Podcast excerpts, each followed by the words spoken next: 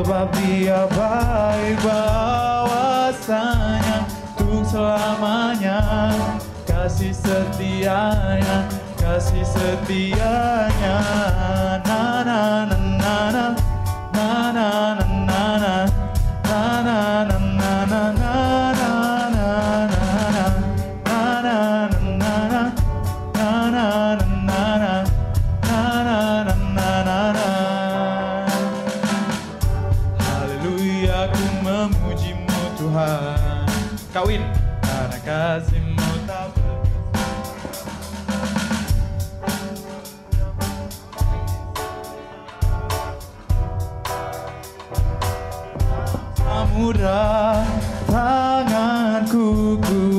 angkat padamu. Mensyukuri rahmat yang kau beri Kakiku melompat bagimu. Sebab rahmatmu baru setiap hari. Bersyukurlah kepada Tuhan.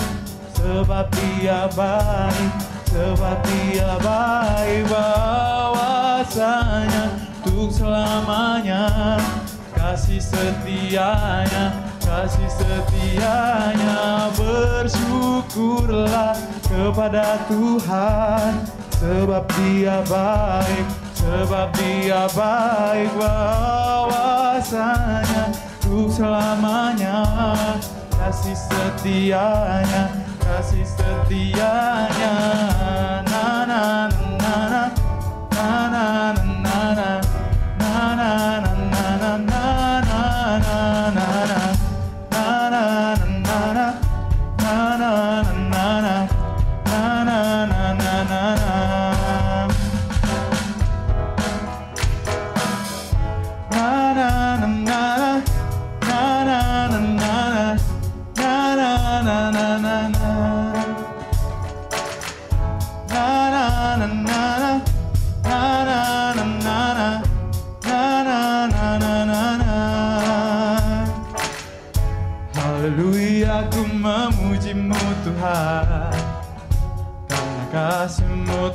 berkesudahan.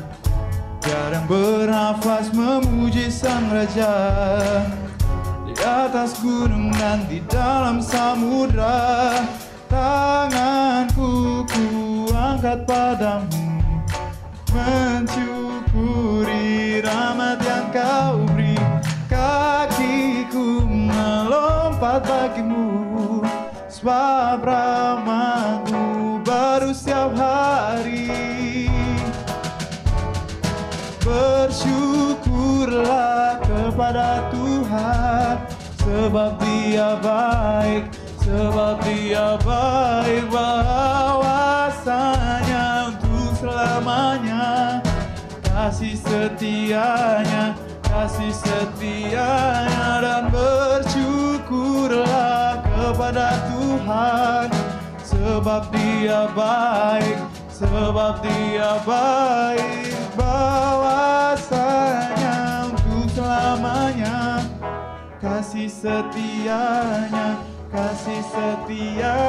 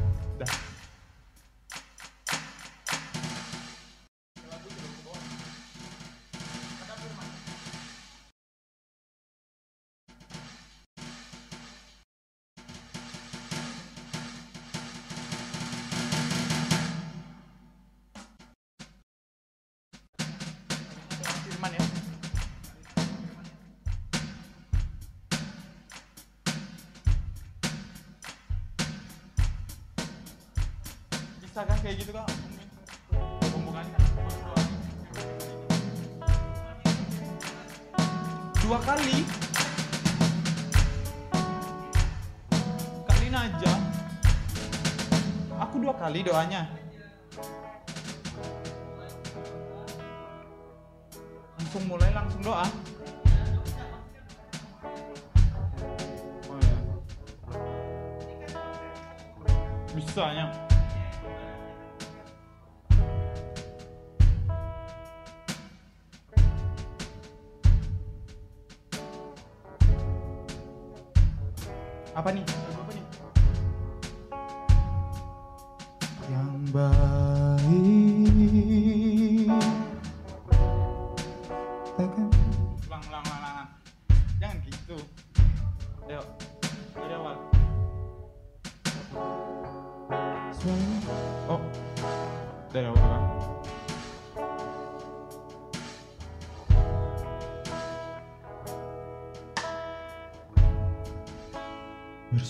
kursa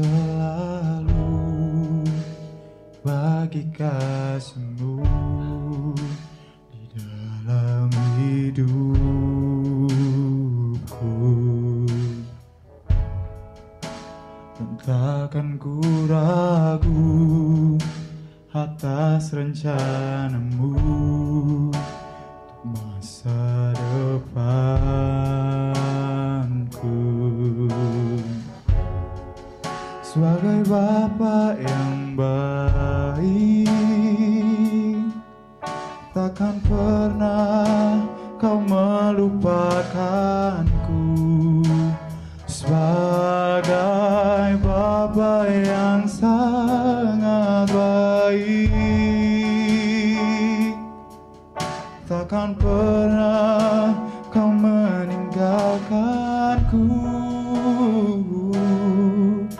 Ku. Kan menari dan bersuka Karena-Mu, oh Yesusku. Dan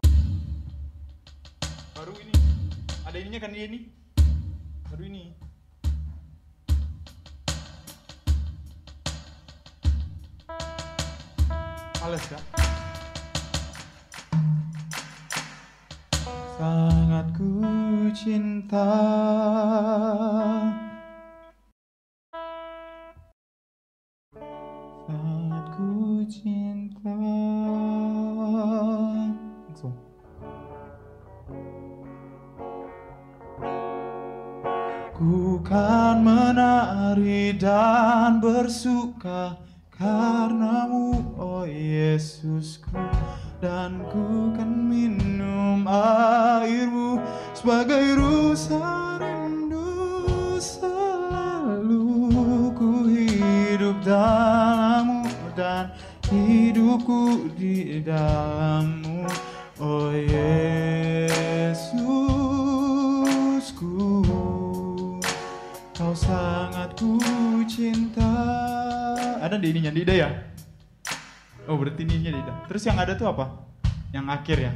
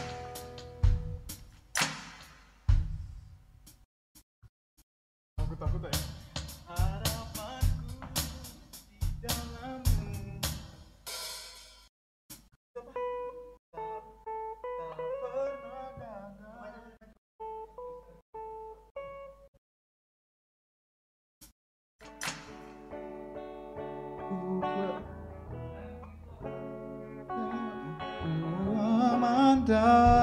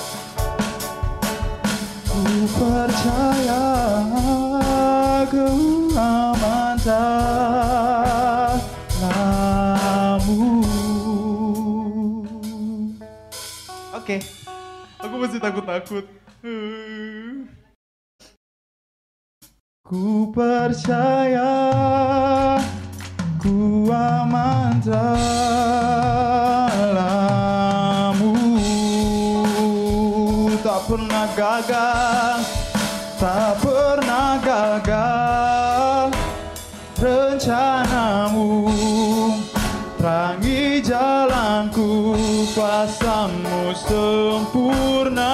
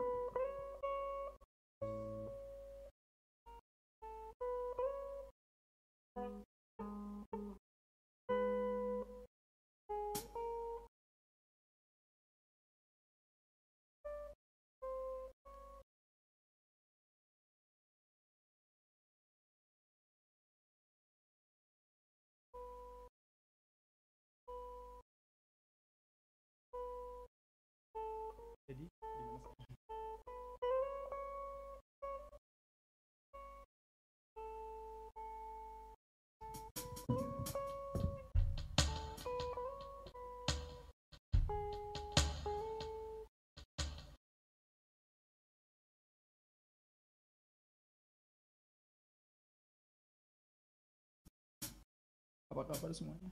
Ini pakai salam PWM gak sih? Ini PWM atau semuanya? Kalin. Ini pakai salam PWM gak? PWM dahsyat. Nanti teriak kalian PWM. Teriak. Masa aku sorak dengan maha jahat benih.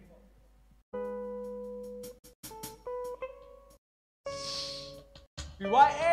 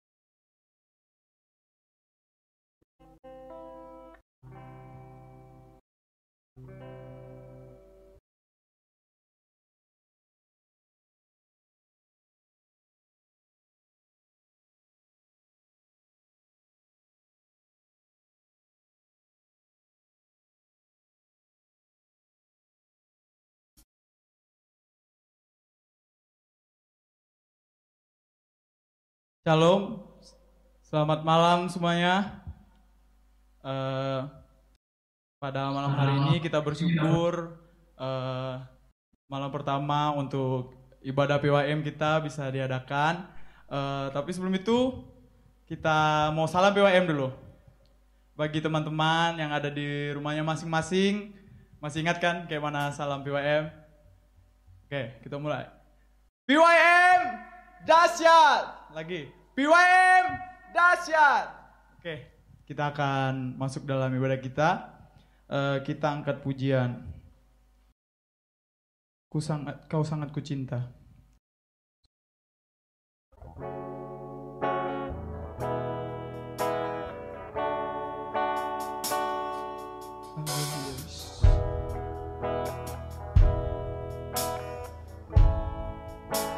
Bersyukur selalu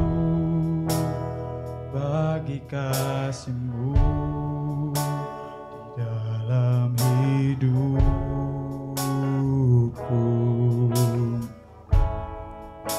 Dan takkan ku ragu atas rencanamu untuk masa depanku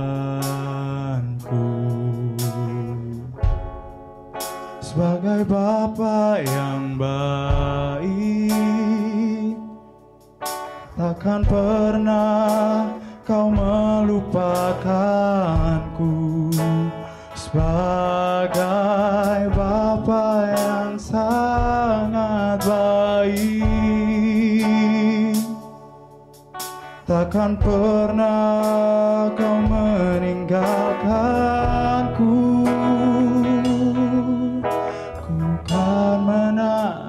dan bersuka karenamu oh Yesusku dan ku kan minum airmu sebagai rusa rindu selalu ku hidup dalammu dan hidupku di dalammu oh Yesus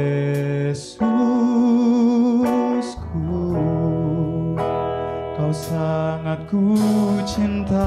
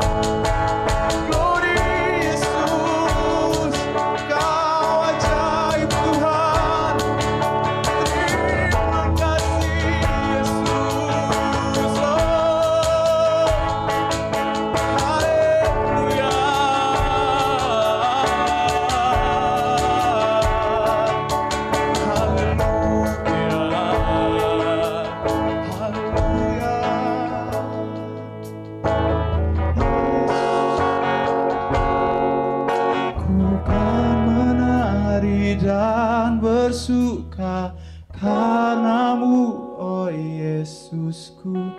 Dan ku kan minum airmu sebagai rusa rindu. Selalu ku hidup dalammu dan hidupku di dalammu oh Yesus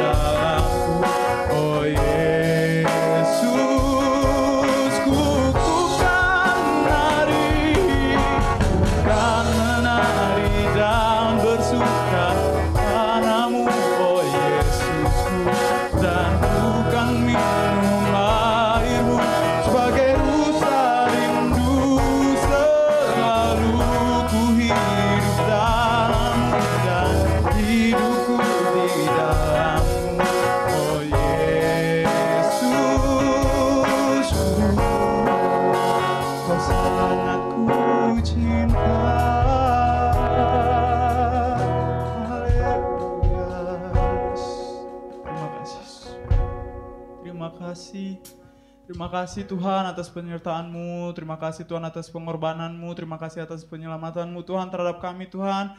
Sehingga pada malam hari ini Tuhan Kami bisa beribadah Tuhan Memuji dan membesarkan nama-Mu. Tuhan Sebentar kami akan eh, melanjutkan ibadah kami ini. Kau jaga lindungi tutup bungkus ibadah ini dari awal pertengahan hingga pada akhirnya Tuhan. Biar semua pujian ini hanya hanya untuk bagimu saja Tuhan Yesus. Tuhan inilah doa anakmu. Haleluya. Amin.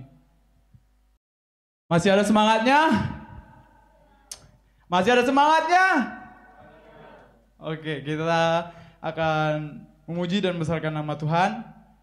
Kita angkat satu pujian. Haleluya ku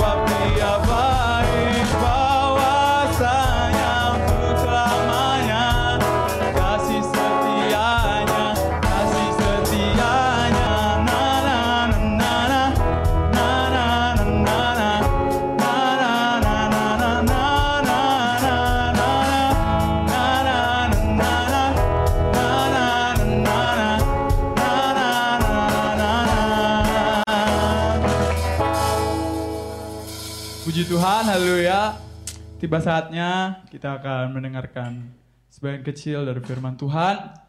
Tapi sebelum itu saya undang semuanya untuk hadirat Tuhan, hadir di mana pun kita berada, kita yakin dan percaya bahwa Tuhan selalu ada. Sebab Tuhan Yesus itu ada di hati kita, ada di hidup kita, di mana pun kita berada. Kita angkat satu pujian yang berjudul Harapanku. Kasih-Mu,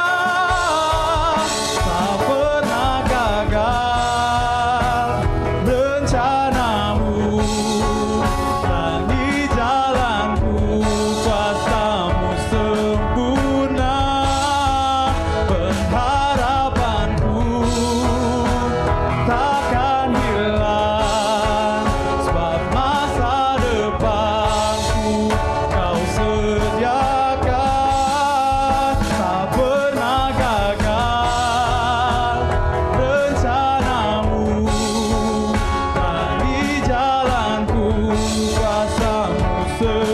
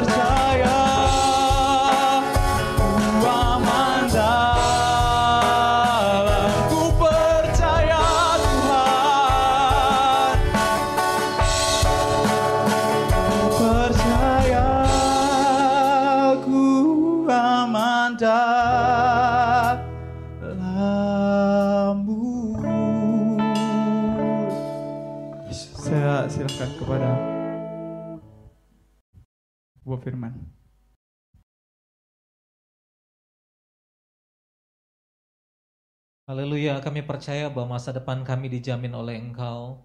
Itu sebabnya kami mau letakkan terus hidup kami seluruhnya dalam tangan Tuhan. Kami memohon Roh Kudus, firman Tuhan, pimpin tuntun kami supaya kami boleh berjalan di tengah dunia yang gelap ini. Dengan diterangi oleh firman dan Roh Kudus, kami tidak perlu takut dan khawatir. Sebab kami tahu ya Tuhan Yesus, Engkaulah jaminan hidup kami. Semuanya ada dalam kontrol, dalam kendali Tuhan, baik yang ada di tempat ini, bahkan yang ada di rumah masing-masing. Urapanmu ya Tuhan Yesus bekerja atas kehidupan kami. Di dalam nama Tuhan Yesus kami siap dengar firman-Mu. Haleluya. Amin.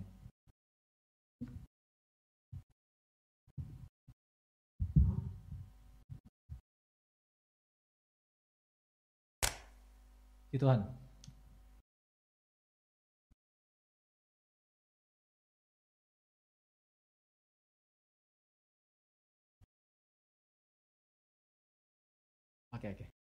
Baik, selamat malam semuanya yang ada di kapel dan yang ada di rumah masing-masing. Haleluya, apa kabarnya? Dahsyat?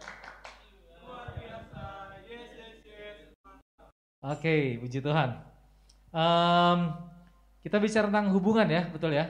Hubungan, relationship. Menarik sekali karena saudara, ini em, satu hal yang nggak bisa lepas dari kehidupan kita, betul kan saudara ya? Semua pasti punya hubungan, betul kan? Setuju? Ada yang tidak punya hubungan? Oke, ada yang punya hubungan? Ke mana nih? Ada yang punya hubungan? Angkat tangan. Yang punya hubungan?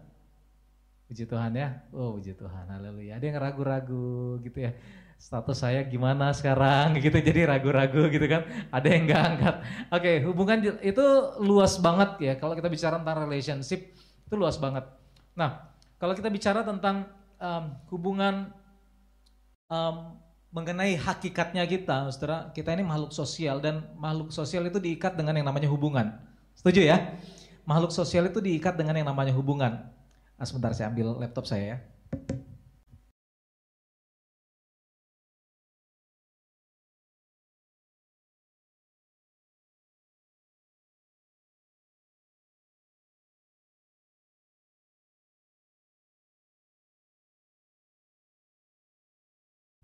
Supaya saya bisa lihat juga yang di rumah. Oke, oke. Eh, makhluk sosial yang mengikat adalah hubungan. Nah, em, kalau kita kembali kepada hakikat kenapa kita diciptakan adalah untuk kita berhubungan dengan Tuhan. Saudara, saya yakin kita semuanya udah sudah paham akan hal ini sering sama. Kita udah belajar sama-sama di dalam buku Purpose Driven Life bahwa saudara itu adalah hakikat kita untuk membangun hubungan, saudara. Nah, tapi kita nggak bisa pungkiri bahwa semenjak manusia jatuh ke dalam dosa, maka hubungan itu dirusakkan. Nah, hubungan itu dirusakkan sehingga hubungan dengan Tuhan rusak dan kemudian hubungan dengan sesama juga banyak berantakan, saudara. Nah, kalau saudara perhatikan di dalam kejadian pasal 6, saudara akan temukan bahwa uh, bahkan ya di situ dikatakan bahwa anak-anak Allah itu bicara malaikat-malaikat menghampiri anak-anak manusia yang kemudian membuat saudara uh, kacau balau, situasi kacau balau itu sebabnya Tuhan kirimkan air bah. Nah, saudara um, hubungan kalau kita bicara tentang hubungan maka semua punya yang namanya pasang surut dalam membangun hubungan. Setuju ya? Semua punya yang namanya pasang surut dalam membangun hubungan. Kita bisa nikmati, saya bisa nikmati hubungan saya dengan istri saya satu kala sering sama Tuhan waktu semuanya lagi indah, lagi honeymoon gitu, lagi indah semuanya. Maka rasanya dunia ini milik kita berdua, rasanya surga dunia gitu saudara. Tapi coba kalau misalkan lagi berantem saudara, lagi gak nyaman, lagi dalam titik terendah dalam membangun hubungan. Maka Kadang-kadang saudara walaupun kita nyanyi harapanku, masa depanku di dalam tanganmu, tapi kadang-kadang lain di mulut, lain di hati. Kita kita merasa bahwa kayaknya aduh habis sudah harapanku udah habis gitu ya. Ya, walaupun mungkin kalau kita pacaran kadang-kadang teman kita bilang ah nggak apa-apa masih banyak pria-pria lain, wanita-wanita lain gitu kan. Tapi kadang-kadang kita berpikir bahwa ah masa depan saya ada di tangan dia. Dia udah putusin saya, dia udah kecewakan saya, apalagi di waktu sayang-sayangnya, maka harapanku udah nggak ada. Nah sering sama Tuhan. Oke, uh, ada masa-masa puncak, ada masa-masa terendah di dalam kita membangun hubungan. Nah, saudara, uh, tapi yang saya ingin katakan adalah begini sering sama Tuhan, bahwa um, ketika kita menangani masalah di dalam hubungan ini dengan benar, maka kita didewasakan, orang-orang di sekitar kita juga didewasakan. Setuju ya? Ingat firman Tuhan bilang katakan bahwa uh, besi menajamkan besi tetapi manusia menajamkan sesamanya. Haleluya. Puji Tuhan, teman-teman kita menajamkan kita. Ada teman-teman yang baik yang memotivasi kita. Tapi ada juga teman-teman yang brengsek banget gitu saudara ya. Yang uh, bawaannya trouble maker banget. Dia kecewakan kita, ya janji nggak pernah ditepati, saudara hutang nggak pernah dibayar dan lain sebagainya ya saudara. Saudara bisa buat list udah panjang banget sering sama Tuhan.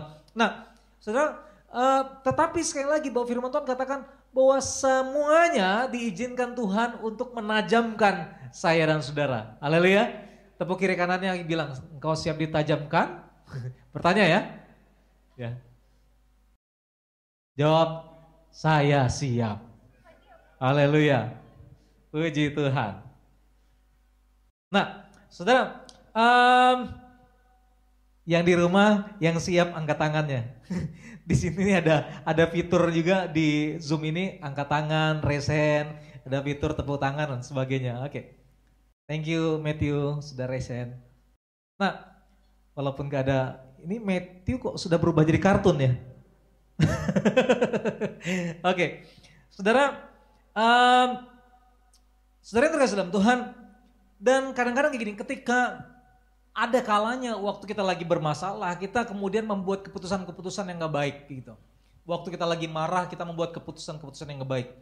Galatia 5 ayat 15 bilang kayak gini, tetapi jikalau kamu saling menggigit, ya, dan saling menelan, awaslah supaya jangan kamu saling membinasakan. Saudara bisa lihat ya, bahwa ada kalanya kita kita semua nggak ada yang mau nggak ada yang mau binasa, ya kan?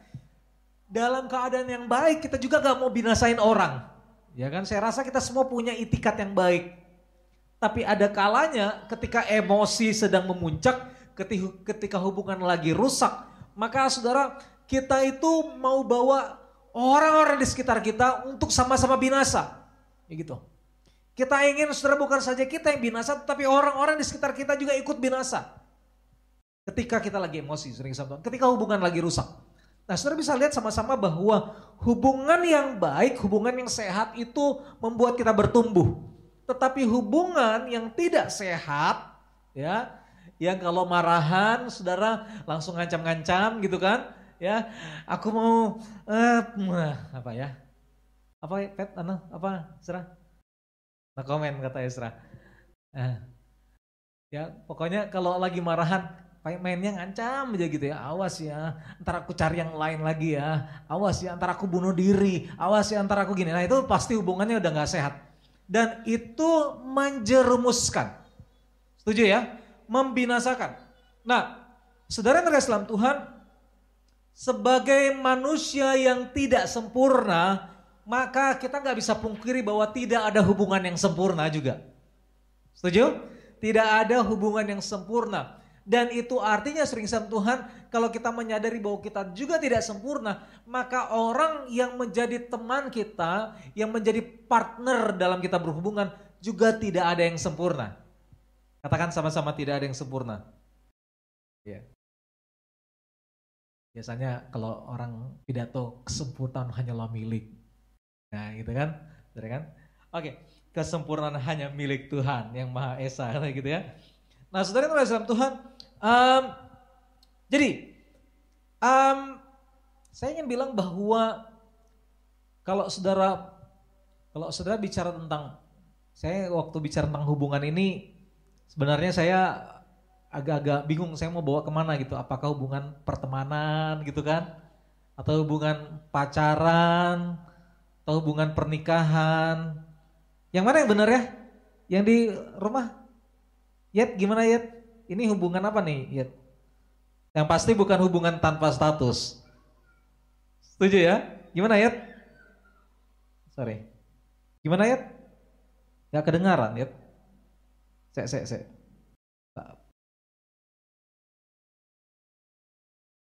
Yeti gak kedengaran. Coba Yet.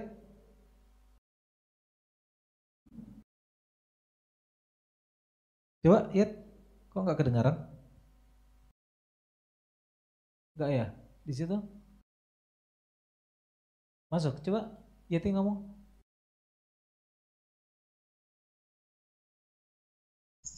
Ah oke, okay. Yeti coba ya, lagi Yet. Bebas aja kak. Oh bebas ya? Bukan gaya kupu-kupu, gaya punggung, gaya dada, gaya bebas. Oke okay, bebas ya. Nah gini, um, Kalau kita bicara bebas, maka gini sering sama Tuhan. Persahabatan yang kita sedang titi sekarang, itu sedang mendewasakan kita untuk menjadi pria dan wanita yang utuh. Setuju? Dan di dalam pernikahan Kristus, Kristen, ya saudara, maka dibutuhkan pria dan wanita yang utuh, kayak gitu. Pernah nggak ketemu dengan uh, eh, ABG uh, 17-18 tahun yang lagi masalah. Lalu kemudian dibilang gini, aku udah capek jadi ABG. Masalah, dimarahin terus sama mama sama papa. Lebih baik aku kawin aja. Pernah gak ya ketemuin orangnya gitu? Hah? Jeffrey senyum-senyum, jangan-jangan pelakunya nih. Pernah gak ketemuin orangnya gitu? Aku udah capek masalah banget jadi ABG. Lebih baik aku nikah. Kalau aku nikah, bebas aku dari masalah. Kira-kira setuju nggak dengan statement itu? Hah? Setuju nggak? Hah? Gak tahu karena ah? Gak setuju ya Seraya?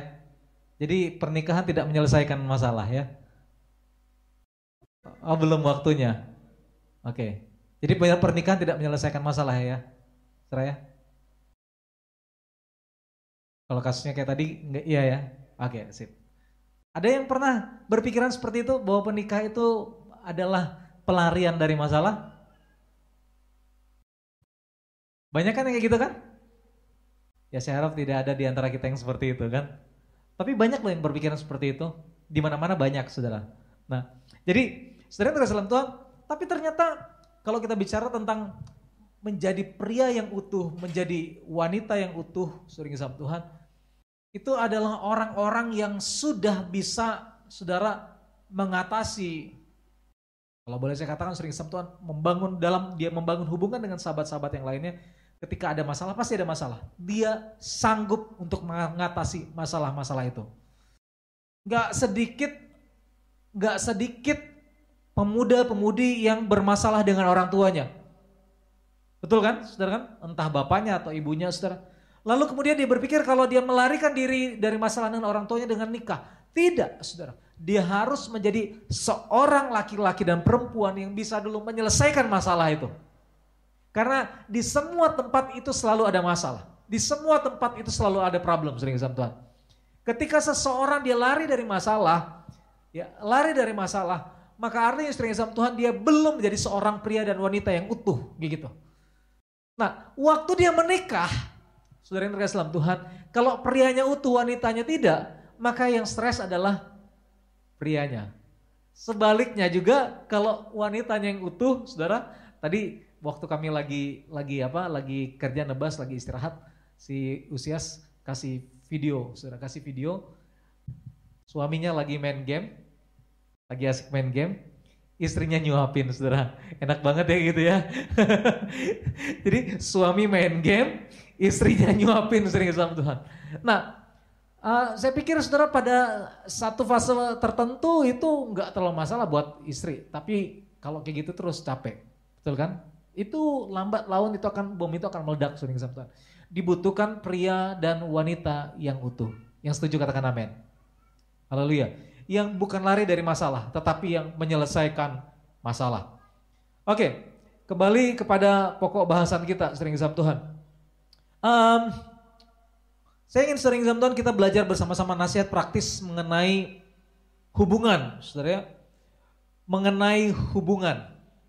Nah sadari bahwa pertama, tidak ada manusia yang sama.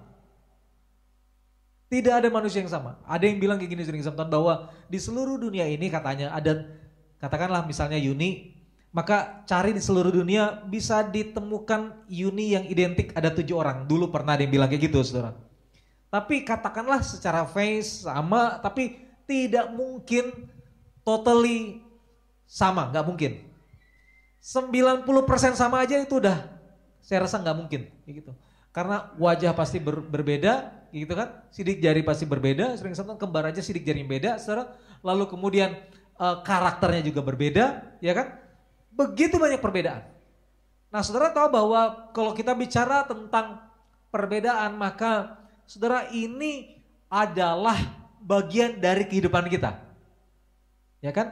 Nah, kita nggak bisa pungkiri bahwa perbedaan inilah yang sering kali kemudian menyebabkan permasalahan. Ya kan?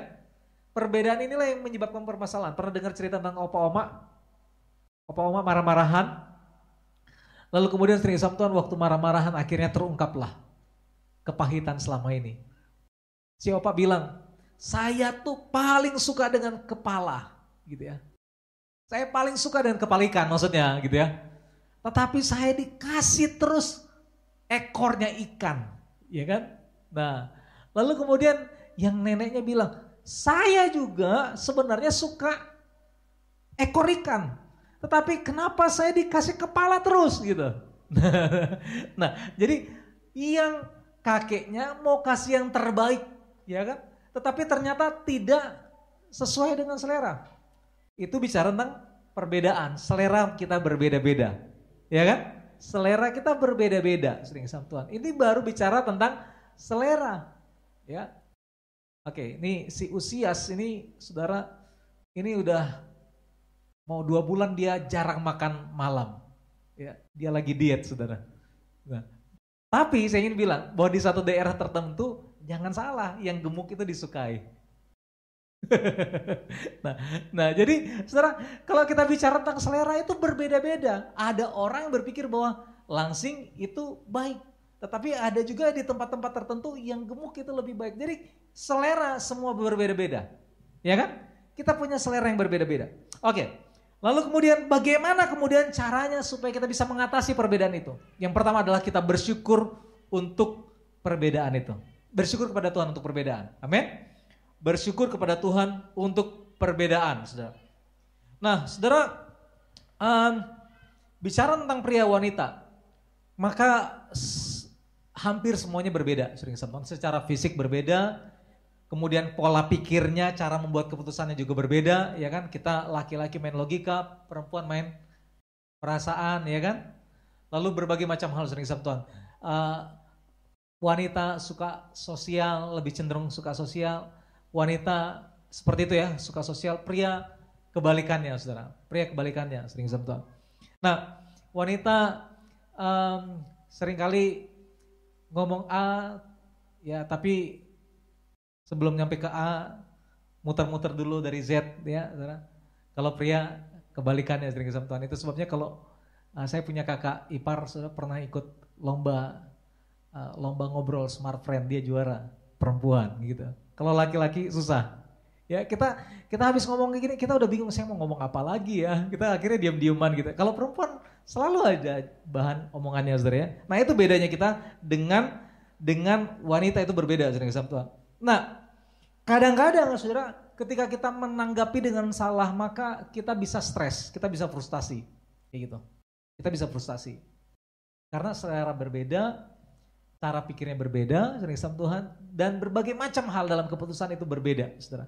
Nah, itu sebabnya firman Tuhan mengajarkan kepada kita sering sama Tuhan untuk ya, mari kita lihat sama-sama Roma 15 ayat yang ketujuh. Mari kita baca sama-sama. Roma 15 ayat yang ketujuh.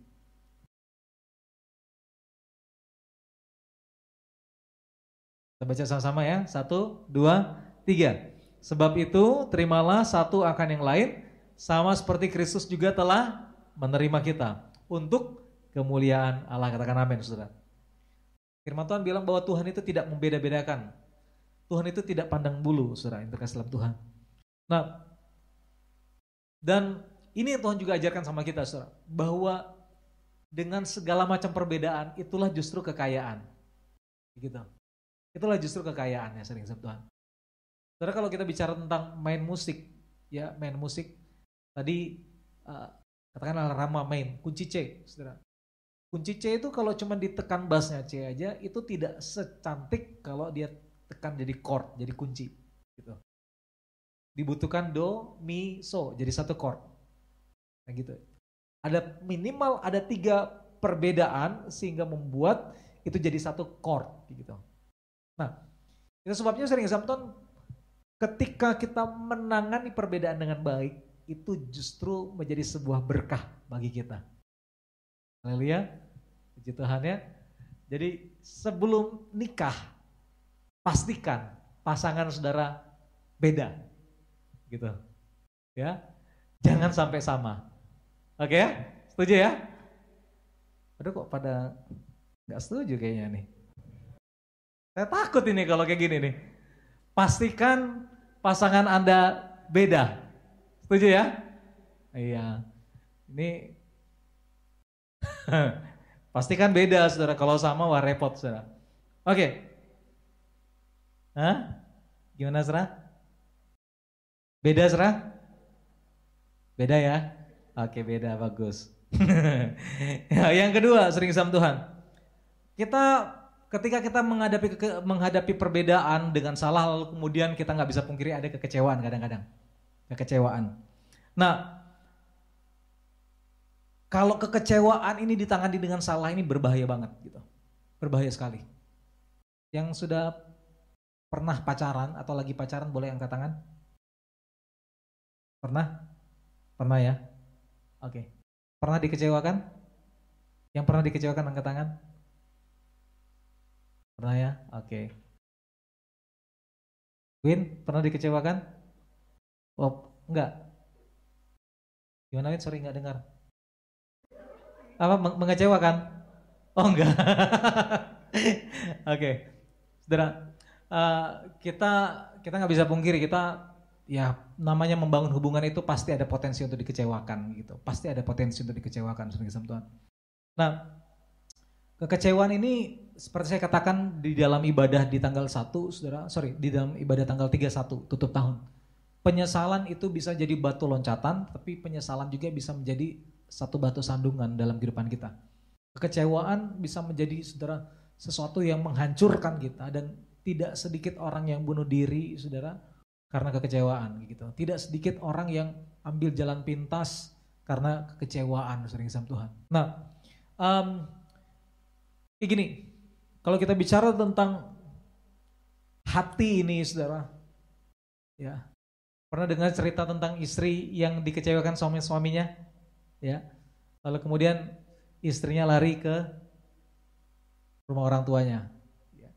masih suaminya telepon telepon, gak diangkat angkat, sampai kemudian sering samtuan satu eh, satu kali akhirnya diangkatlah sama istrinya, baru kata istrinya, Pak engkau tuh udah mengecewakan aku banget. Aku minta maaf sayang ya.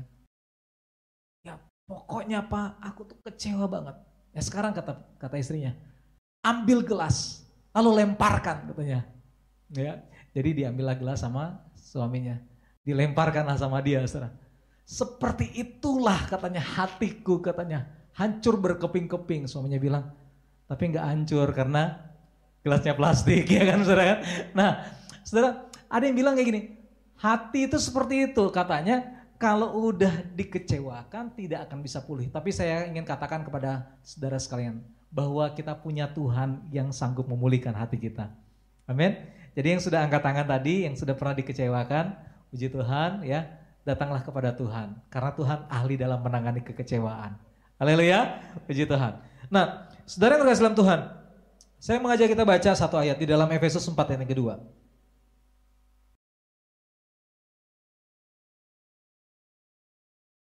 Kita baca ya sama-sama ya. Dua, tiga. Hendaklah kamu selalu rendah hati, lemah lembut dan sabar. Tunjukkanlah kasihmu dalam hal saling membantu.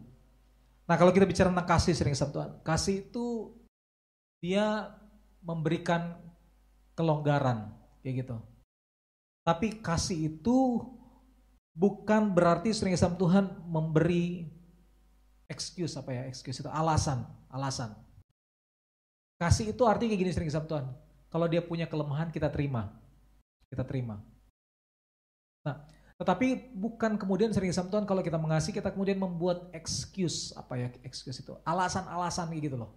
Gimana saya menjelaskan dalam bahasa Indonesia ya? Membuat alasan-alasan gitu. Nah, kasih itu dia tidak kasar. Tapi dia tegas. Bisa ya? Kasih itu dia tidak kasar tapi dia tegas. Nah kalau saya mengasihi anak saya, kalau saya mengasihi anak saya sering sama Tuhan, maka ada beberapa hal yang saya harus memberikan kelonggaran kepada mereka karena mereka tidak sempurna. Setuju ya? Karena mereka tidak sempurna. Tetapi ketika mereka melakukan satu dosa, ya, saya tidak boleh membuat alasan bahwa mereka masih kecil lalu kemudian tidak dididik. Paham ya maksud saya? Nah, kasih itu jadi kita memberikan satu kelonggaran dalam satu dalam satu hal tertentu, tetapi kemudian kita tidak membuat alasan-alasan sehingga kemudian sering sama Tuhan kita jadi permisif dengan dosa gitu. Ya, jadi permisif dengan dosa. Enggak sering sama Tuhan. Nah, um, saudara, itu sebabnya kalau kita bicara tentang bagaimana kita menuntut orang untuk untuk menjadi apa menyukakan hati kita dan sebaliknya sering Tuhan kita juga menuntut supaya kita tidak dikecewakan. Saudara yang dalam Tuhan maka semuanya itu harus dibawa kepada Tuhan. Karena sekali lagi Tuhan itu adalah ahli dalam hubungan. Tuhan itu adalah ahli dalam hubungan. Tuhan itu adalah ahli di dalam bagaimana dia menyatukan saudara dua insan yang dari ujung ke ujung bisa ketemu, ya kan? Tuhan itu adalah ahli sering sama Tuhan sebab dia yang dari sorga yang begitu jauh dengan dunia yang tenggelam dalam dosa tetapi dia sanggup membuka sebuah jalan sering sama Tuhan. Sehingga kemudian kita yang jauh dari Tuhan akhirnya bisa kembali connect. Karena pas sekali lagi Tuhan adalah ahli di dalam membangun hubungan. Amin, saudara. Itu sebabnya Saudara, semua kehidupan kita kita harus bawa kepada Tuhan. Kekecewaan kita, saudara, keberadaan kita, ketidaksempurnaan kita, kekurangan-kekurangan pasangan kita, saudara sama Tuhan, semuanya harus dibawa kepada Tuhan. Ya, semuanya harus dibawa kepada Tuhan. Haleluya. Nah, coba kita lihat sama-sama 1 Korintus 13 ayat 7 sampai 8.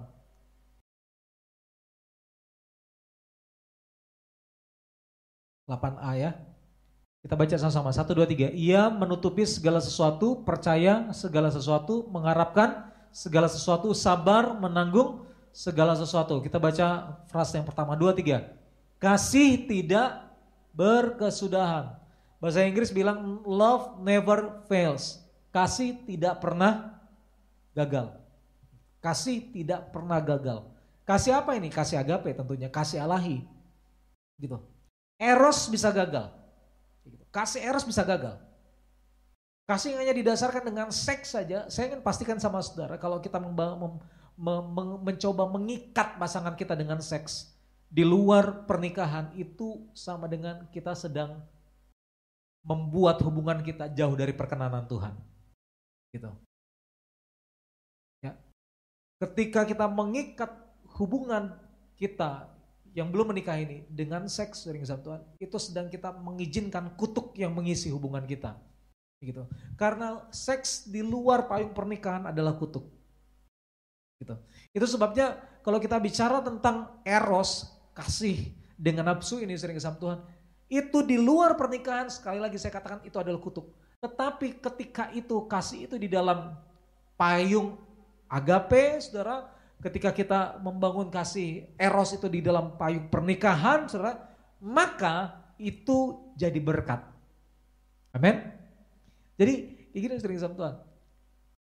Buka kadonya waktu saatnya. Yang setuju katakan amin. Oke ya? Nah, jangan mendahului. Nah, saudara terus dalam Tuhan. Kasih agape itu dia tidak pernah gagal. Haleluya saudara, puji Tuhan, haleluya. Yang ketiga sering sama Tuhan, ini sebenarnya ada lima poin tapi saya bahas tiga saja. Memilih untuk percaya kepada Tuhan bukan kepada perasaan. Amin. Oke. Okay. Um, ada orang yang parno gitu ya, ada orang yang parno. Dia takut untuk membangun hubungan karena apa? Karena dia takut dikecewakan, gitu. Ya, waktu dia mau mendekati atau didekati oleh seseorang, sering sama Tuhan, dia udah perasaannya udah bermain-main gitu. Saya takut dikecewakan. Saya takut mengecewakan. Ada juga yang gitu, ya kan? Saya takut dikecewakan, saya takut mengecewakan. Sehingga kemudian akhirnya secara uh, sebenarnya ya kesempatan-kesempatan itu udah datang tapi dilewatkan gitu. Kesempatan-kesempatan itu datang tapi dilewatkan. Nah ini kalau kita bicara kesempatan ya, sering Tuhan, kan kadang-kadang kan gampang-gampang susah kalau kita bicara tentang kesempatan kan? Ya. Nah tapi kayak gini sering sama Tuhan. Dalam hubungan hubungan itu bukan didasarkan kepada perasaan tetapi kepada percaya. Nah kalau misalkan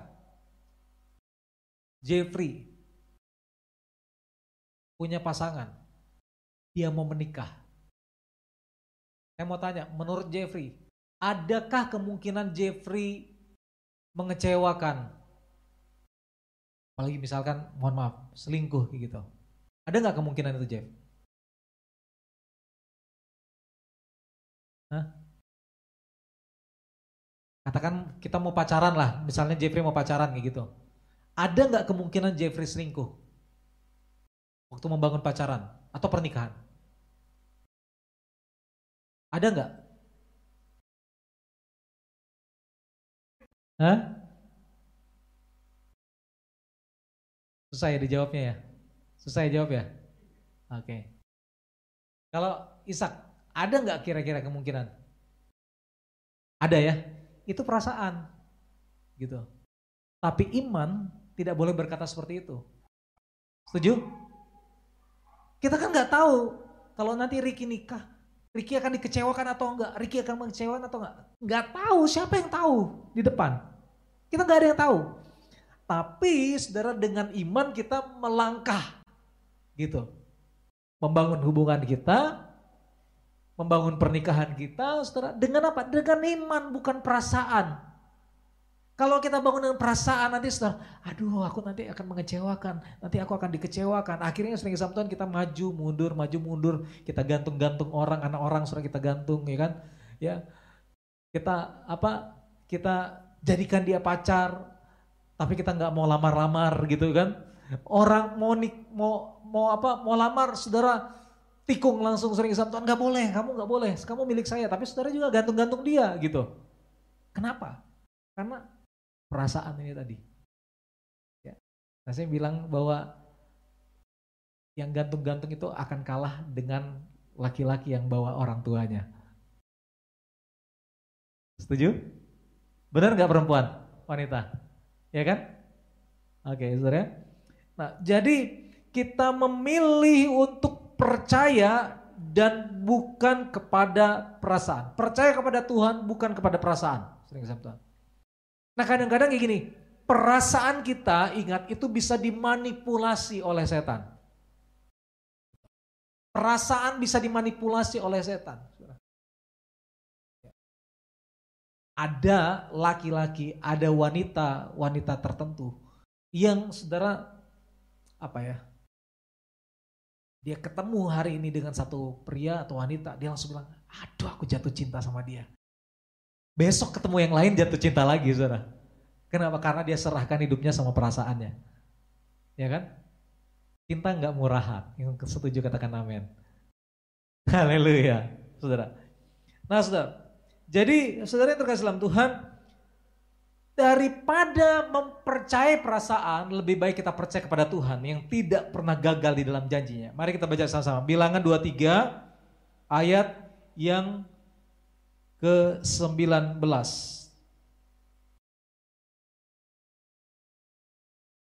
Kita baca ya dua, tiga. Allah bukanlah manusia sehingga ia berdusta, bukan anak manusia sehingga ia menyesal, masakan ia berfirman dan tidak melakukannya atau berbicara dan tidak menepatinya. Haleluya, saudara. Nah, saudara yang dalam Tuhan, jadi segala sesuatunya harus dilandaskan kepada kepercayaan kepada Tuhan. Saudara, percayaan kita kepada Tuhan. Saudara. Haleluya. Kalau kita bangun dengan dasar lain, dengan perasaan, saya pastikan kita akan gagal. Karena saya mau pastikan sama saya sama saudara gini. Hubungan itu bukan saja didasarkan dengan yang namanya cinta. Bukan sekedar cinta. Bukan sekedar jatuh cinta. Setuju? Bukan sekedar jatuh cinta um, siapa yang udah pacaran lebih dari dua tahun? Ada ya? Boleh angkat tangan? Dua tahun ya, lebih dari dua tahun. Pernah sayang banget sama pacar? Pernah? Pasti ya. Kalau enggak, kan jadiin pacar. Pernah nggak benci sama dia? Nggak pernah. Nggak pernah. Ya puji Tuhan. Pernah? Apa? Marah pernah ya. Jengkel gitu. Tadi bilang kayak gini, antara benci sama cinta katanya itu hanya dipisahkan dengan selem, sehelai tisu tipis, kain tipis katanya. Benci itu benar-benar cinta itu. cinta itu bisa berubah jadi benci gitu. Ya. Nah saya sama istri saya kebalikannya. Dia benci saya karena saya tukang ngerjain dia. Dia pernah bilang aku nggak akan mau sama dia, tapi akhirnya dia berubah saudara. Nah itu ya ini puji Tuhan ini berkat ya. Benci jadi cinta. Tapi nggak bisa dipungkiri sering sama Tuhan bahwa kayak gini. Ada orang yang cintanya luar biasa. Tapi ketika datang masalah cintanya berubah jadi benci. Pernah tahu orang seperti itu? Pernah? Pernah ya? Nah, saudara. Itu sebabnya kayak gini. Hubungan itu bukan didasarkan dengan jatuh cinta. Enggak tapi didasarkan dengan kepercayaan kita pada Tuhan. Hubungan itu dibangun. Hubungan itu dibangun. Bukan sekedar jatuh cinta. Amen. Karena ada kalanya perasaan kita itu bisa berubah. Saya sama istri saya, sayang saya besar. Tapi saya nggak bisa pungkiri bahwa ada kalanya kalau kami lagi masalah, saya bisa jengkel banget sama dia. Saya bisa benci sama dia, saudara. Dalam satu titik tertentu. Sampai kemudian sedikit Tuhan semuanya dibawa kepada Tuhan. Hubungan bukan didasarkan kepada perasaan, tetapi kepada percayaan kita kepada Tuhan. Amin. Nah, kalau kita bangun ini dengan cara sedemikian, kita tahu bahwa kita tidak sempurna. Tapi kita punya Tuhan yang sempurna yang menyempurnakan kita. Kayak gitu. Sehingga saudara dalam Tuhan, hubungan suami istri, hubungan pacaran, itu akan membuat kita jadi semakin lebih baik. Saya pastikan kalau hubungan pacaran tidak baik, itu bukan didasarkan kepada iman percaya. Itu hanya sekedar perasaan saja. Gitu. Kalau hubungan itu didasarkan kepada kepercayaan kita pada Tuhan, Tuhan, maka itu pasti akan membangun kita. Pasti akan membangun kita. Ya, sekarang, oke, okay, saudara udah ada yang sudah pacaran, perbaiki pondasi hidup kita, saudara. Perbaiki. Ya. Jangan, jangan kalau saudara baca dalam 1 Korintus 13 tadi ya, itu tidak pencemburu, dia tidak curigasian, curigasian, curigaan gitu kan, nggak curigaan, saudara nggak berpikiran yang tidak-tidak sama Tuhan. Kenapa? Karena kalau kita berpikiran yang enggak-enggak itu berarti berdasarkan perasaan. Saudara parno duluan, saudara udah udah kayak gimana? Gimana saudara akan membangun hubungan seperti itu sering sama Tuhan? Gak bisa. Ya. Jadi saudara hubungan harus dibangun di atas dasar kepercayaan kita pada Tuhan. Tuhan Yesus memberkati sering sama Tuhan. Haleluya. Um, Tes selanjutnya gimana, Tina? Sharing? Uh, pertanyaan, diskusi atau gimana? Oh Yeti, boleh? Serahkan kepada siapa nih? Yeti ya, Yet boleh Yet? Ya. Ya, silakan.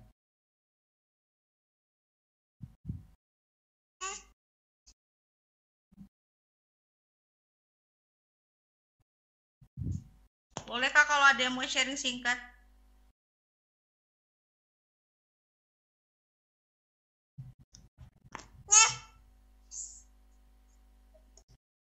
进入。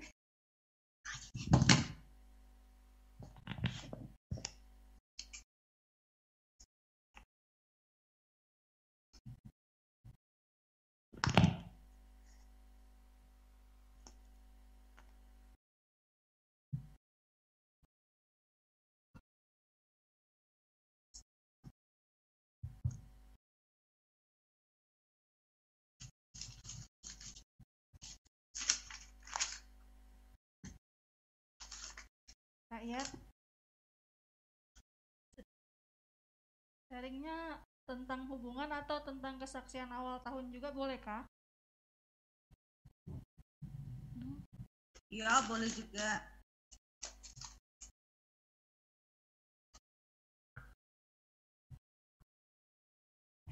Hmm, kalau dari saya, saya bersyukur um, dalam menjalani hubungan.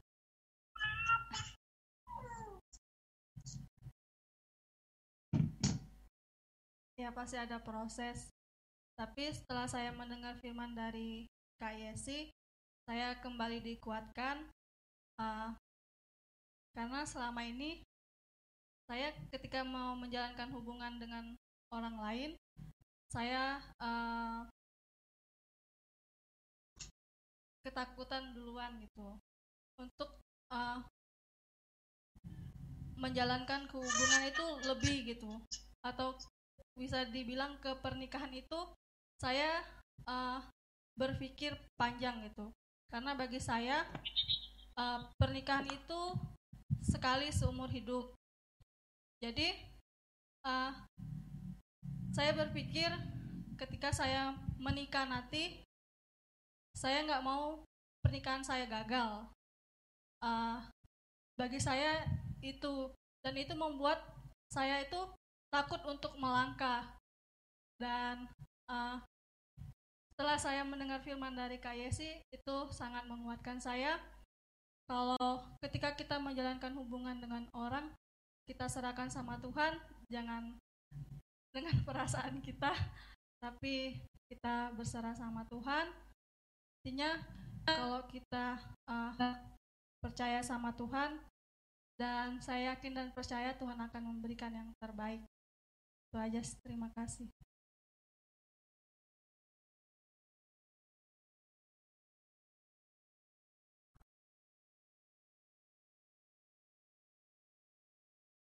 Kalau ada dari teman-teman, boleh. Yang di rumah juga boleh untuk sharing atau Kak Yesi ada pertanyaan? Yang lagi pacaran, ayo yang lagi pacaran.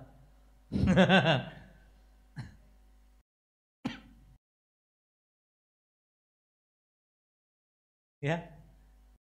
Tahu ada pertanyaan dari Kak Yesi. Ah. Kalau saya bertanya nanti siap nggak jawab?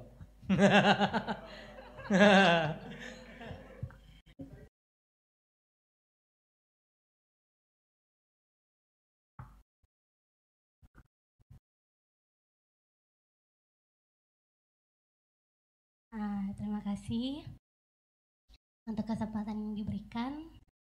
Saya sangat diberkati dengan firman Tuhan malam hari ini. Kalau saya juga sama sih, hampir mirip-mirip dengan Kak Lina. Agak sedikit takut dengan pernikahan karena uh, latar belakang orang tua saya, keluarga saya, mama papa saya yang ya, wal dibilang sampai sekarang pun belum kembali bersatu gitu nah kalau lihat dari mama papa jadi kayak kadang takut aduh takut gagal seperti orang tua saya karena saya lihat sendiri gitu kan. Takut salah pilih. Jadi banyak sekali pertimbangan sampai mikir ah, belum deh masih lama gitu nah, mikirnya kayak gitu. Tapi waktu hot Kak Isi tadi saya tangkap sesuatu tentang iman, pengharapan dan kasih bahwa setiap orang yang beriman dan terus berpengharapan kepada Tuhan pasti hidupnya menghasilkan kasih gitu. Nah, dalam kasih itu justru kita kasih yang dari kita bisa jadi berkat buat pasangan kita juga gitu kan. Jadi mungkin pasangan pasangan kita mungkin bukan orang yang sempurna seperti yang kita harapkan, tetapi selama kita beriman bahwa hubungan dalam dalam Tuhan berpengharapan terus dan terus menyalurkan kasih itu pasti hubungan itu terus diberkati dan menjadi berkat. Jadi itu sih yang saya dapat malam hari ini bahwa berhenti untuk melihat latar belakang keluarga lihat Tuhan saja Tuhan tidak pernah salah memberikan pasangan dia selalu tepat dan selalu yang terbaik yang dia berikan. Ya itu saja. Terima kasih Ada pertanyaan dari Alex, hubungan yang baik itu seperti apa kak? Dan yang harus dihindari saat pacaran. Oke, silakan ini ada bapak-bapak pendeta di sini, ibu-ibu. Silakan. Ulangin ya, hubungan yang baik itu seperti apa kak? Dan yang harus dihindari saat pacaran itu apa? Silakan.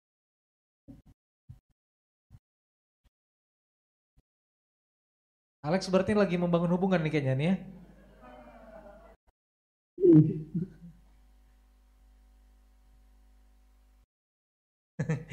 Kok geleng-geleng Lex?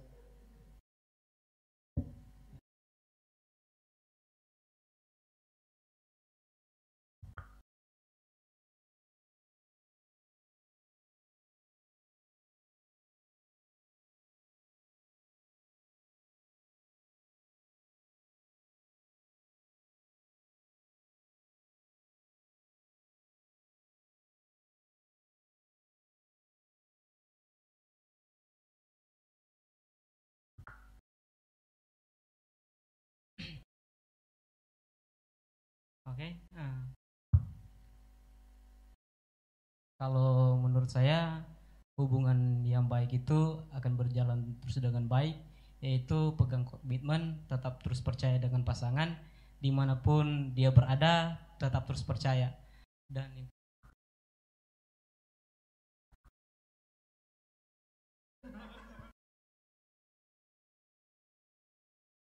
kalau untuk um, menghindari hal yang membuat dalam hubungan itu buruk itu kan seperti kakak tadi kak isi bilang adalah hubungan um, hubungan seks itu kalau belum dipersatukan um, kalau menurut saya sih itu jangan pernah dilakukan.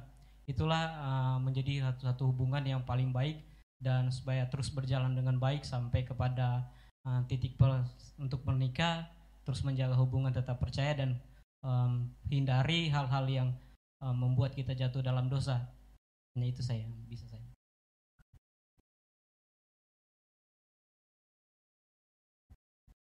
Puas Alex?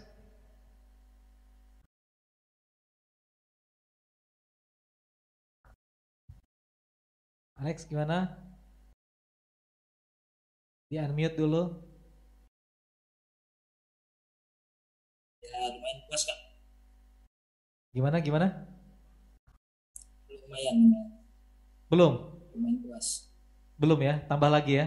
Pak, kalau kalau masih ada tambahan boleh.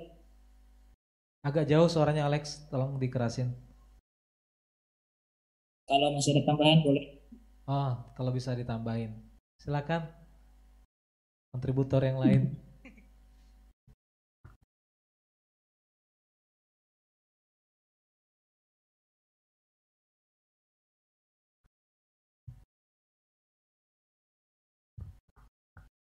Ah, ya, ya.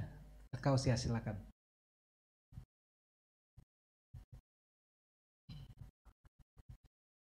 hubungan yang baik itu hubungan yang didasarkan tadi seperti Kak Yesi katakan didasarkan dengan kepercayaan dan iman kepada Tuhan. Kenapa dikatakan kita hubungan yang harus kita dasarkan dengan kepercayaan kepada Tuhan? Karena ketika kita ditinggalkan atau kita dikecewakan oleh orang yang kita kasihi, kita tidak akan merasa jatuh atau down. Karena ketika kita apa ya, hubungan itu kita percayakan kepada Tuhan dengan iman kepada Tuhan apa pun yang terjadi kita akan mampu menghadapinya.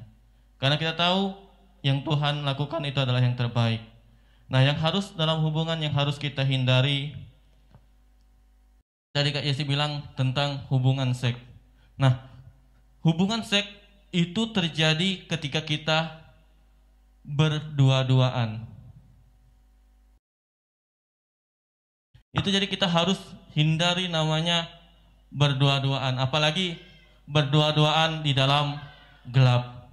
Karena orang orang apa ya? Orang sering bilang ada orang ketiga.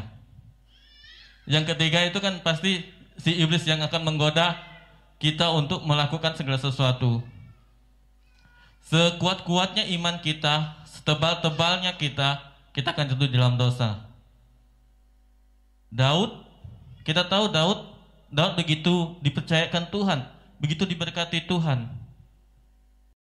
Tapi karena ketika ia tertarik dengan seseorang, ia mempergunakan segala sesuatu untuk mendapatkan orang itu. Nah, kita yang sekarang yang dikatakan meskipun kita dekat dengan Tuhan tetapi kita harus dipenuhi dengan Roh Kudus. Terkadang banyak yang abal-abal. Apa dikatakan abal-abal? Karena mengatakan penuh Roh Kudus tapi kehidupannya tidak memancarkan Roh Kudus. Nah, itu jadi kita harus lebih lagi berhati-hati. Baik kita sebagai pelayan maupun sebagai pemuda, kita harus lebih hati-hati dalam hubungan. Jadi, hati-hati jangan sampai kita beri kesempatan untuk kita jatuh di dalam dosa yakni ketika kita berpacaran kita berdua-duaan karena kalau kita berani berdua-duaan, pasti ada kesempatan. Ada pegangan tangan. Itu dari pegangan tangan pasti akan menjalar ke mana-mana. Itulah, jadi kita harus berjaga-jaga agar kita jangan sampai berdua-duaan.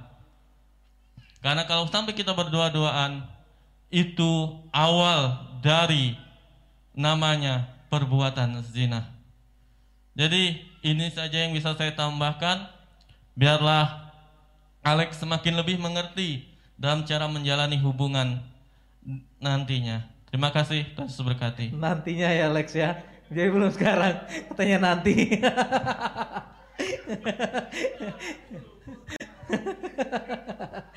Jadi belum sekarang Lex.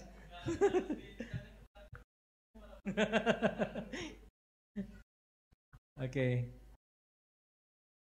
Kalau buat saya ya, hubungan itu pertama sepadan kan, harus sepadan firman Tuhan. Jadi tolok ukurnya pasti firman Tuhan gitu.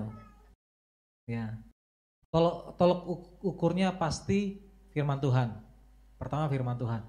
Jadi sepadan, istri bilang sepadan bukan sebadan, gitu ya. Jadi bukan tergantung bodinya tapi sepadan. Itu pertama. Lalu kemudian itu tadi ada percaya, kasih, pengharapan, buah-buah roh, dan lain sebagainya. Eh, saya rasa semuanya itu ada di firman Tuhan, ada di Alkitab. Jadi um, itu tolak ukurnya gitu. Lalu bicara tentang yang seks tadi, itu satu dosa yang nggak bisa di nggak bisa di uh, apa ditengking, ya, ya kan? Satu-satunya dosa yang nggak bisa ditengking dan tidak ada yang kebal. Saudara belum penuh Roh Kudus, saudara udah penuh Roh Kudus, saudara nggak kebal dengan yang namanya dosa, saudara. Nggak ada yang kebal gitu. Nah itu sebabnya lihat sama-sama, ya kan? Mulai dari mana si Daud jatuh? Dari dari mata turun ke hati, ya kan? Ya kan? Bagaimana Yusuf kemudian bisa bebas dari dosa itu? Dia nggak pakai tengking-tengkingan, ya. Satu-satunya apa? Lari. Itu sebabnya firman Tuhan bilang dalam 2 Timotius 2 ayat 22 katakan bahwa jauhilah nafsu orang muda gitu. Kalau dalam terjemahan lain katakan lari dari itu, gitu. Lari, ya. Gitu. Jadi kalau saudara um, ada setan-setan yang mulai dekatin saudara di kegelapan malam, ya jangan ditengking, lari aja, ya lari aja dari setan-setan tersebut. Oke ya, baik. Oke, saya makasih. Kembalikan lagi ke siapa nih? Lex, oke Lex? Semuanya ada di Alkitab Lex. Ya. Tinggal dicari. Oke. Lina silakan. Siapa?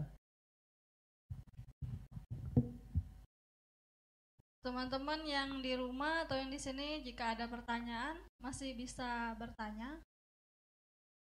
Sudah. Esa Rama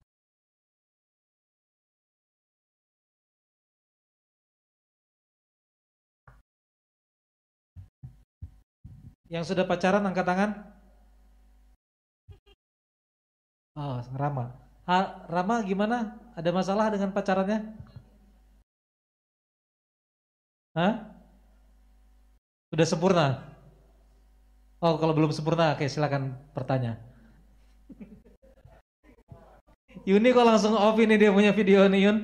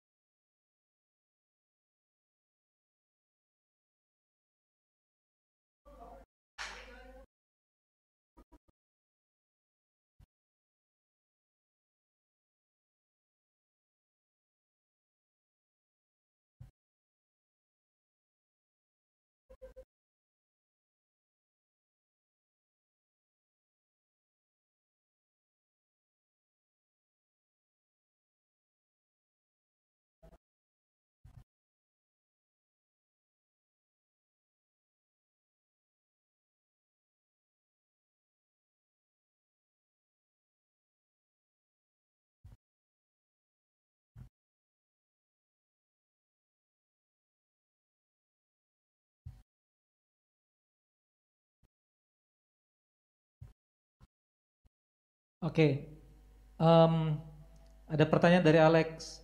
Hal-hal yang dilarang di dalam Alkitab tentang hubungan semacam beda keyakinan. Gini, ya Yuni langsung muncul ya videonya.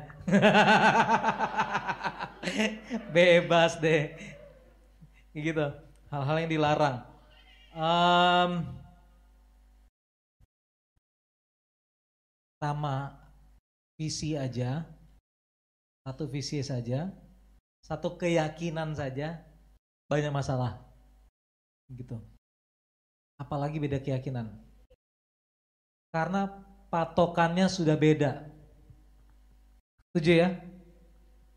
Landasannya udah beda.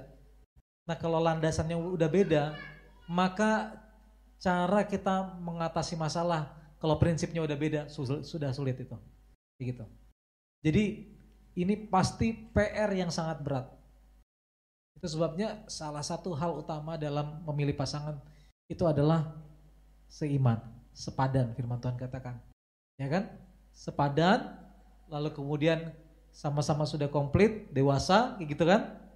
Lalu kemudian sevisi, satu tujuan. Gitu, satu tujuan. Nah, uh, kalau kita punya visi yang sama, gini, bukan berarti bahwa profesi harus sama. Bukan, bukan berarti seperti itu.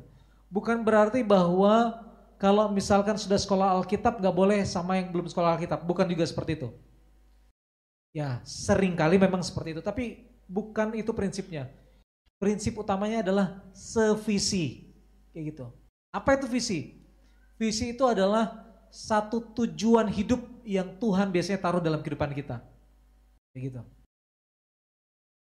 Nah, katakanlah misalkan visi saya, hati saya berkobar-kobar, hati saya terhenyuk, tergerak kalau bicara tentang apa? Bisa misalnya tentang satu hal, katakanlah misalkan mengenai jemaat. Gitu.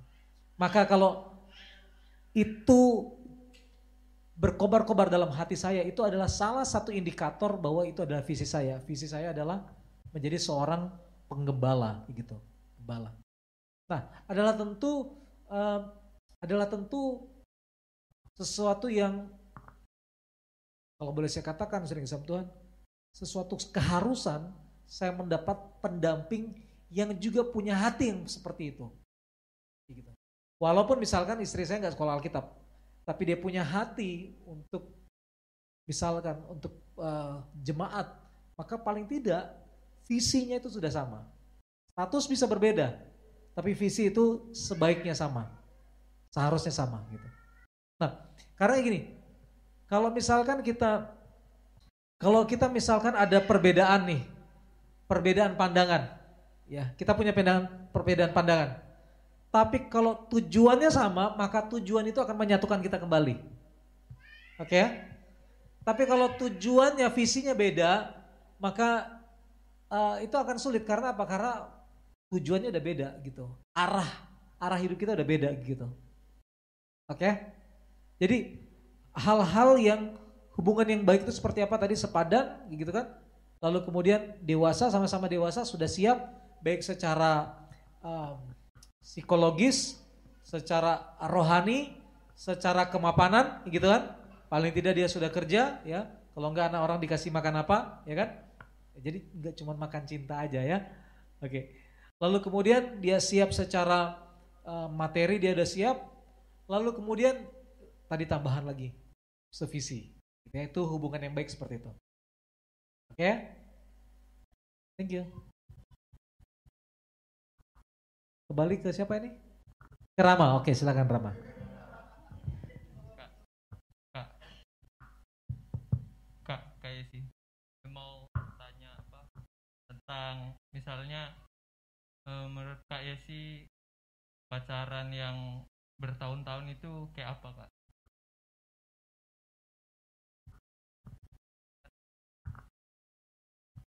Yang waktu itu saya lihat di IG kan pendeta Gilbert bilangnya apa pacaran bertahun-tahun itu mending apa misalnya dari kecil dari SMA lah misalnya bilangnya hubungan itu harus terus apa namanya terus naik.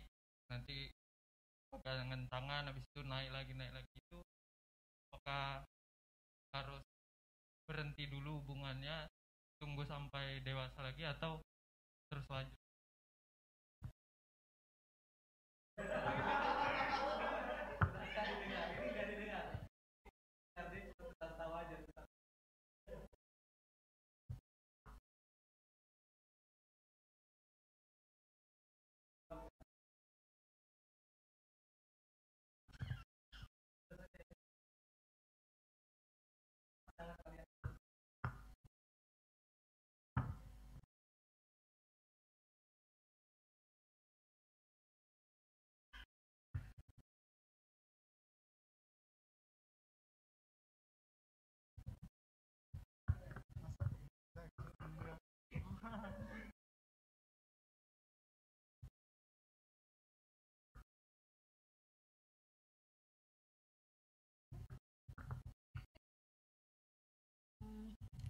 kalau menurut saya sih kembali lagi uh, dalam kehendak Tuhan aja tanya sama Tuhan gitu.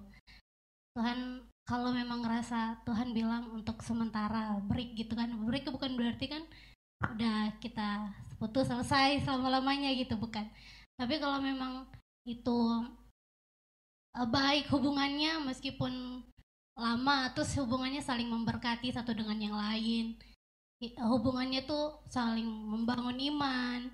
Ya itu nggak masalah gitu nah. Nggak masalah pacaran lama. Tapi kalau hubungannya sudah nggak sehat sudah nggak baik hubungannya justru malah merusak karakter masing-masing. Terus kita rasa ah ini kok jadi begini hubungannya? Membuat justru membuat pribadi kita menjadi nggak baik. Kalau menurut saya sih ya menurut saya lebih baik fokus lagi kembali ke Tuhan. Fokusnya ke Tuhan. Persiapkan diri baik-baik yakinkan diri bahwa saya sudah siap untuk bangun hubungan gitu nah. Jadi bukan hanya berdasarkan perasaan kayak tadi khotbah kan ada berdasarkan cinta oh karena sudah cinta harus segera memiliki gitu terharus terikat dalam status gitu kan. Tapi benar-benar udah mapan udah yakinkan hati benar-benar Tuhan bilang udah waktunya gitu kan atau saya yakin saya udah dewasa saya udah cukup siap untuk punya hubungan. Karena kalau kita pacaran kalau menurut saya ya kita pacaran bukan hanya untuk sekedar ada teman chattingan, ada teman teleponan, ada yang tanya kabar. Tapi kita yakin untuk bangun pacaran itu buat komitmen, hubungan yang berkomitmen sampai selesai dari awal pacaran sampai nikah. Jadi benar-benar udah siap diri, udah yakin bukan tentang lama atau pendeknya sebuah hubungan, tapi tentang hubungan yang saling memberkati satu dengan yang lain, berjalan dalam tuntunan Roh Kudus, tuntunan Allah, patokannya ya hanya firman Tuhan gitu. Oke, itu aja sih menurut saya. Terima kasih.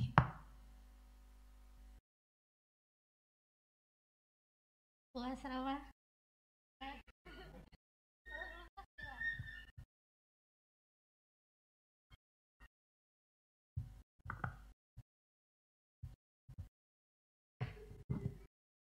Kalau saya sih nggak masalah pacaran lama gitu ya. Um, yang penting kita paham ada batasan-batasannya batasan di dalam berpacaran tersebut. Contoh yang tadi sudah disampaikan ke Osias. Gimana kita jaga jaga jarak ya. Nah, saya kasih tips ya kalau pacaran gitu. Itu harus di bawah lampu terang. Gitu. Oke, setuju? Nah, kalau pacaran mulai dulu dengan doa.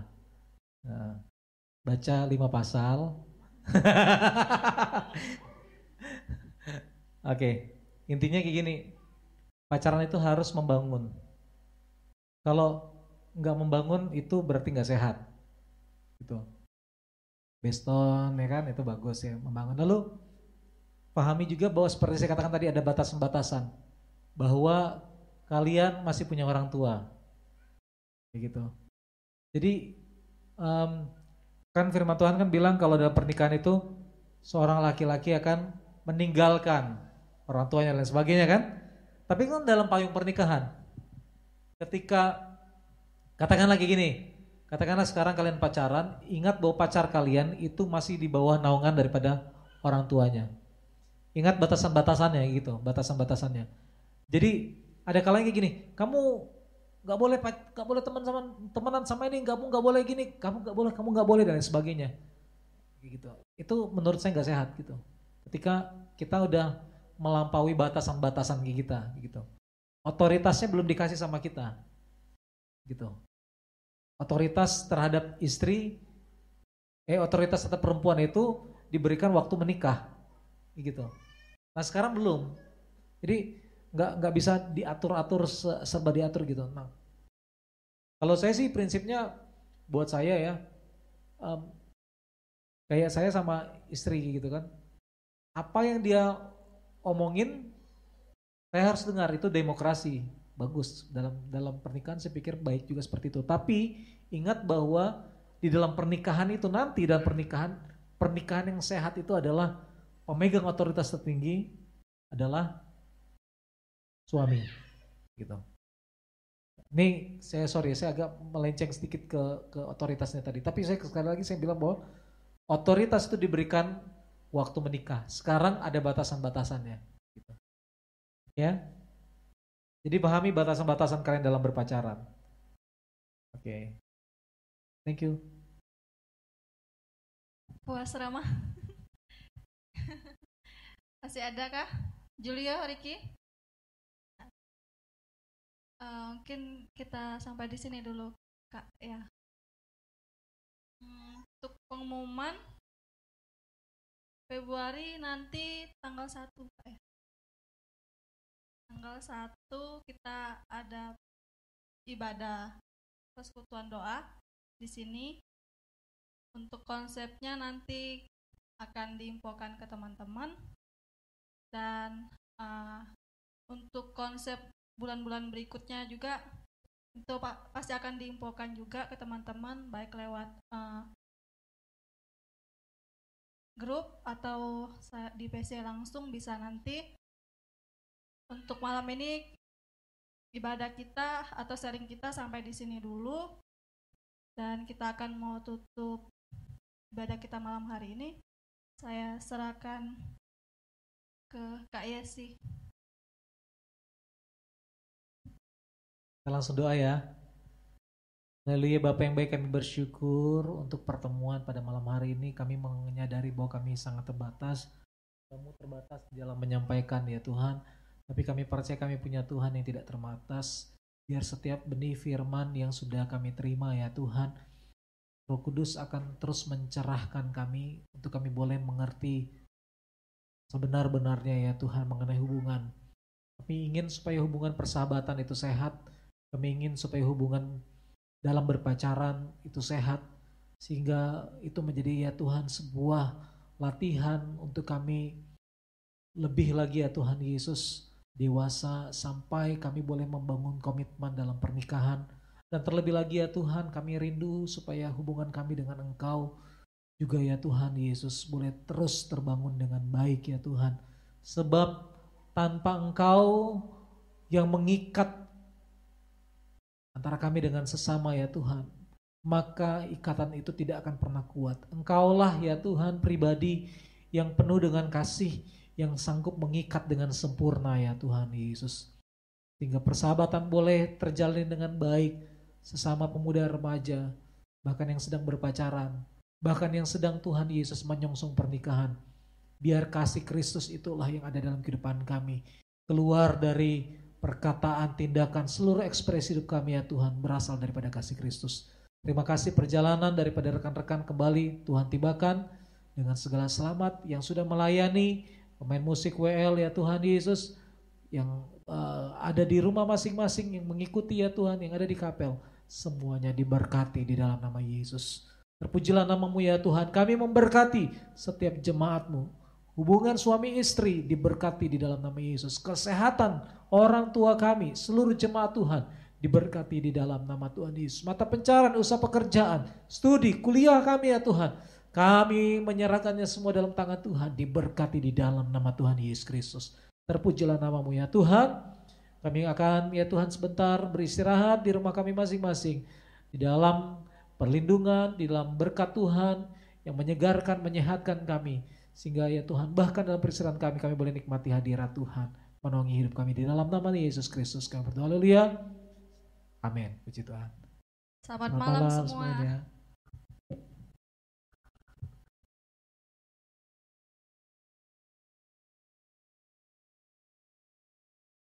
Salam semuanya.